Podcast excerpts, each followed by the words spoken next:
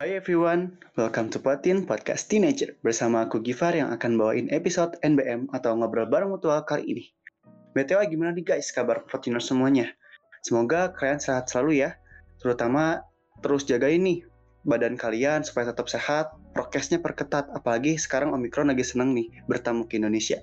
Nah, di episode NBM kali ini, narasumber kita nggak sembarang narasumber loh narasumber kita ini benar-benar keren banget achievement dan experience-nya. Siapa dia? Yuk, langsung aja kenalan sama salah satu narasumber kita, Kak Adinda. Halo teman-teman semua, kenalin nama aku Adinda Putri Kusumawardani, biasa dipanggil Adinda atau Dinda, terserah kalian. Aku berasal dari Pasuruan, Jawa Timur. Usia aku 17 tahun dan saat ini masih kelas 12 SMA di salah satu SMA Kabupaten Pasuruan um, untuk keseharian aku sendiri, yang pertama adalah sebagai pelajar kelas 12 yang lagi banyak-banyaknya ujian dan juga persiapan untuk ke kampus. Terus aku juga jadi duta, wakil anak, youth aktivis Plan Indonesia, di bawah naungan Indonesia Joining Forces juga. Terus aku founder di dua platform.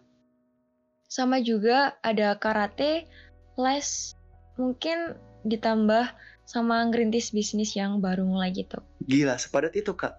Beneran itu? Beneran. Gila, produktif banget. Dibandingin sama aku ya guys ya, yang kesehariannya cuman belajar, ngerjain tugas, les, main game, yang kayak boring segitunya. Dan dibandingin sama Kak Dinda, wah itu jauh banget sih.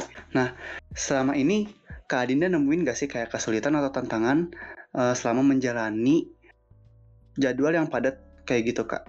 Untuk kesulitan ataupun tantangannya sendiri sih dari diri kita ya. Kayak kita tuh harus pintar memanage waktu gimana caranya biar apa yang udah kita rencanain dari awal itu bisa kecapai semua. Jadi kayak aku sering banget keteteran reschedule jadwal segala macam tapi untuk sejauh ini aku nggak pernah ngerasa kurang di salah satunya.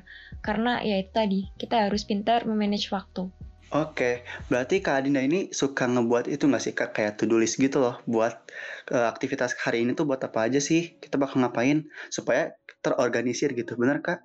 Bener, ada to-do list gitu sehari-hari. Oke, nah Kak Adinda ini kan banyak banget ya achievementnya dari Olimpiade berpuluh-puluh medali, karate udah sabuk hitam, dan tadi juga uh, Kak Adinda bilang uh, Kak Adinda sebagai founder dua platform yaitu Generation ID dan juga uh, Productive Z. Pokoknya nggak ada habisnya deh. Nah, gimana sih Kak jadi orang yang percaya diri gitu dan nggak takut gagal buat meraih impian? Dalam hidup kan kita selalu berproses ya. Jadi kayak kita punya mimpi dan kita mau realisasi mimpi kita, dalam prosesnya itu pasti banyak banget rintangan ataupun juga kayak problem dari banyak orang, entah itu ditentang atau apa pun. Dan itu pasti kayak ngejatuhin mental kita dulu. Buat aku sih, aku tetap pada pendirian aku. Kita harus tetap pada prinsip kita dari awal sampai akhir demi tujuan kita. Gitu. Oke, keren banget. Oke. Nah, kalau misalkan Kak Dinda tuh dapat info lomba dari mana dari mana aja sih, Kak? Karena kan info lomba tuh ada dua ya, yang dari sekolah langsung karena kita mewakili instansi, atau juga bisa kita cari lewat media sosial kita, kayak semisal IG, TikTok, ataupun media sosial yang yang, yang lainnya. Nah, kalau aku paling banyak sih dapatnya di Instagram. Jadi kayak semisal pas kita lagi gabut, ada waktu luang, itu iseng-iseng nyari lomba lewat pakai hashtag ataupun ke akun gitu banyak banget kok lembaga-lembaga olimpiade atau lomba-lomba gitu dan itu banyak yang terakreditasi juga gitu. Oke, okay. nah berarti intinya guys kalau kita mau ikutan lomba tuh jangan males cari informasi, cari sebanyak-banyaknya kayak ke temen yang udah berpengalaman untuk lomba, lalu juga kita bisa cari di Instagram. Pokoknya intinya jangan ca malas cari informasi. Nah, selama Kak Dinda mengikuti lomba, ataupun kayak duta yang lainnya nih ya itu ada pengalaman unik gak sih kak yang kakak dapetin kalau pengalaman unik sih banyak ya tapi yang paling ngena tuh yang kemarin aku ikut iseng gitu lomba di dua lembaga yang pada babak penyisian tuh nggak sama nggak bareng gitu waktunya beda hari. Tapi pas babak grand final itu nggak tahu kenapa pas pengumuman tuh aku lolos. Dan for your info aja setiap aku ikut olimpiade atau lomba-lomba aku tuh nggak pernah cuma satu mapel tapi bisa sampai empat atau tujuh mapel. Dan yang kemarin empat mapel. Dan yang kemarin tuh lolos semua di dua lembaga itu yang satunya tuh enam mapel yang satunya tuh empat mapel jadi kayak satu hari aku full grand final dari pagi sampai sore itu olimpiade grand final yang satunya lisan, yang satunya tuh semi tulis gitu, juga ada lisannya, kayak wawancara gitu. Jadi bener-bener kayak agak panik sih sebenarnya, tapi alhamdulillah bisa jadi juara umum kemarin. Semuanya itu jadi juara umum kak? Iya. Gila sih guys, keren banget. Itu bayangin aja ngikutin empat olimpiade dan semuanya jadi juara umum. Berarti Kak Adinda ini prinsipnya yang penting mulai dulu untuk masalah menang atau kalah belakangan tapi karena Kak Dinda itu berani mencoba dan berani berusaha jadinya alhamdulillah gitu kan Kak. Kakak jadi juara umum di semua olimpiade yang kakak ikutin. Gila keren banget sih. Oke dari pengalaman olimpiade terus experience kayak gitu kakak ada niatan gak sih kayak untuk kuliah di luar negeri? Pasti kan banyak banget nih beasiswa yang kakak dapetin. Um, untuk niatan kuliah di luar negeri ada sih. Dan aku juga udah ngedapetin kemarin beasiswa di satu foundation gitu kayak ikut swasta di salah satu negara yaitu Belanda. Tapi nggak aku ambil dulu buat yang S1 sekarang karena aku nggak dibolehin sama ortu gitu. Jadi kayak kalah ngerestu orang tua buat kuliah di luar negeri. Mungkin S2 nya nanti gitu. Ya Oke oke. Oke jadi ke, skenario atau kejadian Kak Adina tuh gini guys, aku pernah denger nih ya. Kita tuh di hidup ini tuh sebagai sutradara uh, jadi gini, sutradara dan produser uh, di hidup kita sendiri itu sebenarnya diri kita masing-masing, diri kita sendiri. Nah, Kak Adinda ini menjalankan uh, salah satu tugas prosedur yaitu menerima saran bagaimana agar uh, drama atau kejadian ceritanya itu lebih baik lagi. Dan kakak ini kak Adinda ini mendengarkan apa kata orang tuanya dan uh, mengikuti orang tuanya gitu. Benar kak? Benar oke nah selanjutnya nih ya kak sekarang tuh banyak banget ya kayak toxic productivity hustle culture nah tipsnya nih buat potiners supaya kita bisa menerapkan work life balance tuh kayak gimana kak? Silakan. Nah buat teman-teman yang masih kayak bingung gimana cara bagi waktu biar kita nggak ngerasa toxic produktif atau kayak gimana, yang pertama kita tuh perlu to-do list buat keseharian bisa dibuat lewat catatan atau kayak gimana. Itu dari awal kita bangun tidur sampai kita mau tidur lagi. Jadi kayak list dalam satu hari itu kita mau ngapain, pagi sekolah, siang habis sekolah mau kayak gimana, ngerjain apa dan macam-macam. Nah, dan juga itu harus dibarengi sama hal yang lain juga. Hal yang lain juga dalam artian jangan lupa kumpul keluarga atau temen. Kayak kita diri kita tuh butuh refreshing. Jangan cuma terpacu sama apa yang kita kerjain di satu titik itu aja gitu. Karena tubuh kita kan punya titik maksimal yang bisa kapan sewaktu-waktu bisa stres ataupun kayak gimana. Jadi kita harus tahu maksimal diri kita itu sampai mana. Jangan terlalu diforsir dan buat to-do list biar kita kayak teratur gitu. Oke, jadi intinya tuh guys, tipsnya biar kita teratur jadwal kita dari pagi sampai malam, intinya satu to-do list. Dengan to-do list ini kita bisa mengorganisir semua kegiatan yang akan kita lakukan dalam sehari dan akhirnya kita tidak merasa kayak bingung mau ngelakuin apa eh, mau, ngelakuin apa hari ini ataupun kita nggak ngerasa kayak gabut atau nggak berguna uh, gitu jadi intinya kita harus uh, menerapkan to do list agar kita uh, produktif. Oke. Okay. nah kak Adinda ada nggak sih pernah ngerasa capek dengan berbagai macam aktivitas yang kak Adinda jalanin? Kalau capek kak Adinda biasanya refreshing atau healingnya kayak gimana? Um, capek tuh udah kodrat manusia ya kayak siapa sih yang nggak pernah capek gitu? Apalagi di tengah aktivitasku yang padat banget tiap harinya.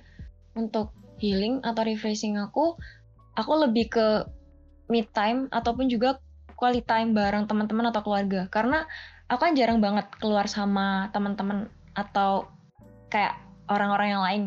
Nah, aku biasanya mid time tuh bisa jogging sendirian gitu sambil dengerin musik atau juga quality time bareng teman-teman kayak sekedar ngobrol, sharing-sharing bareng gitu. Walah, jadi Kak Dinda ini biasanya me time-nya tuh jogging. Gila guys, jogging, me time-nya jogging. Kalau kita me time-nya main HP, Kak Dinda jogging. Me time yang sangat bermanfaat sekali sih itu. Kakak kenapa suka me time jogging kak? Apa alasannya? Apakah karena lebih bebas bisa lari-lari atau bagaimana kak? Um, apa ya? Kalau aku sih jogging tuh udah jadi kayak pelampiasan aku kalau aku capek. Kalau dari kalau di karate punya prinsip gini, kalau tubuh kita capek ya dipaksa. Nah itu tadi, kalau misal aku udah capek semuanya, ya aku maksa tubuh aku lagi supaya lebih capek lagi, biar nantinya aku bisa kayak ngerasa beban aku tuh hilang. Kan kalau kita udah capek, biasanya kita butuh istirahat nih sebentar.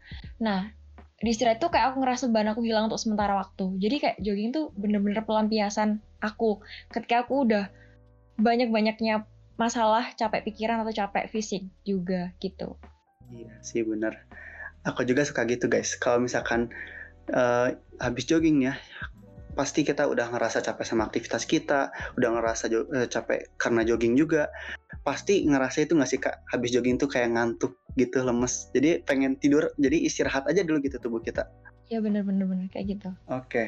nah gitu guys cara refreshing atau healing setiap orang tuh emang beda-beda ya tapi nggak ada salahnya kalau misalkan kalian nih Potiners mau ngikutin cara refreshingnya ke Adinda kita tiru siapa tahu cocok gitu kan sama kita nah seru banget nih obrolan kita kali ini bisa nambah insight dan motivasi juga biar bisa lebih berkembang tapi sebelum kita mau selesai nih ya, pertanyaan terakhir buat Kak Dinda. Ada nggak sih satu quote atau kalimat yang kakak pegang selama ini untuk berjuang meraih mimpi kakak? Ayo kak, di-spill dulu nih ke patinersnya. Um, gini, buat teman-teman semua, prestasi itu dicari, bukan ditularin ataupun ditunggu. Jadi ketika kita mulai termotivasi untuk menjadi orang yang kayak orang lain, misal nih kayak punya prestasi kayak orang lain, yaitu kita realisasiin jangan cuma jadi niat aja. Karena ketika kita nggak berani melangkah ketika kita nggak berani mulai hal baru kita nggak bakal tahu ke depannya kayak gimana. Dan juga kita bakal tertinggal bakal stuck di zona aman buat teman-teman yang punya perspektif takut gagal ketika mau mulai atau gi kayak gimana ingat gagal tuh sebenarnya nggak hanya datang satu dua atau tiga kali tapi berkali-kali bahkan ribuan kali yang orang sebelumnya tuh nggak tahu orang tahu kita pas suksesnya doang, pas udah di titik stasi cemerlang. Mereka nggak tahu gimana jatuh bangunnya kita. Jadi buat teman-teman yang masih punya perspektif, semoga pinternya nular ya. Semoga prestasinya nular ya. Prestasi tuh bukan ditularin tadi, bukan ditunggu juga. Semua orang punya peluang yang sama, punya punya hak untuk berprestasi juga. Jadi buat yang masih ragu mulai, ayo coba coba dulu. Entah itu kalian lagi gabut atau iseng-iseng. Ayo realisasiin kenyataan. Ayo realisasiin mimpi ayo realisasiin mimpi-mimpi kalian, jangan pernah takut gitu, jangan masih kebanyakan alasan dan buat yang udah mulai tetap konsisten karena sebenarnya dalam hidup tuh yang susah bukan memulai tapi untuk ngejaga niat kita biar nggak goyang gitu. Dan buat teman-teman semuanya, tetap belajar, belajar, belajar. Jangan pernah takut untuk gagal. Karena itu udah bagian dari konsekuensi kita dan juga resiko kita. Gitu. Widih, keren banget.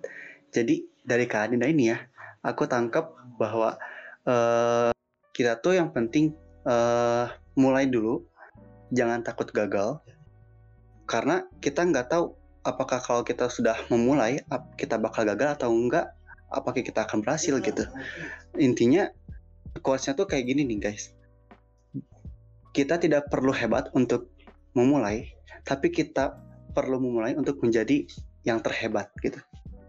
Gimana kak? Keren banget gak sih kayak udah quotes yang dari kayak platform-platform terkenal gitu bener banget jangan pernah malu untuk mencoba ataupun jangan pernah ragu untuk memulai gitu. Oke. Okay. Nah, makasih banget nih buat Kak Adinda yang udah mau ngulangin waktunya ngobrol sama Potiners dan uh, udah nyempetin waktunya juga buat rekaman nih di tengah kesibukan kakak. Makasih juga nih udah nginspirasi kita biar lebih produktif lagi. Pokoknya makasih banyak deh. Semoga kakak selalu sehat dan sukses juga untuk karir ke depannya. Nah, buat Potiners juga thank you udah ngedengerin podcast sampai akhir. Jangan lupa follow IG Potin at Potin21 kalau mau kenalan sama kita dan juga subscribe Potin uh, yang ada tanda serunya di YouTube. Dan juga jangan bosan buat ngedengerin podcast kita di next episode-nya. Thank you guys, stay healthy and see you. Bye.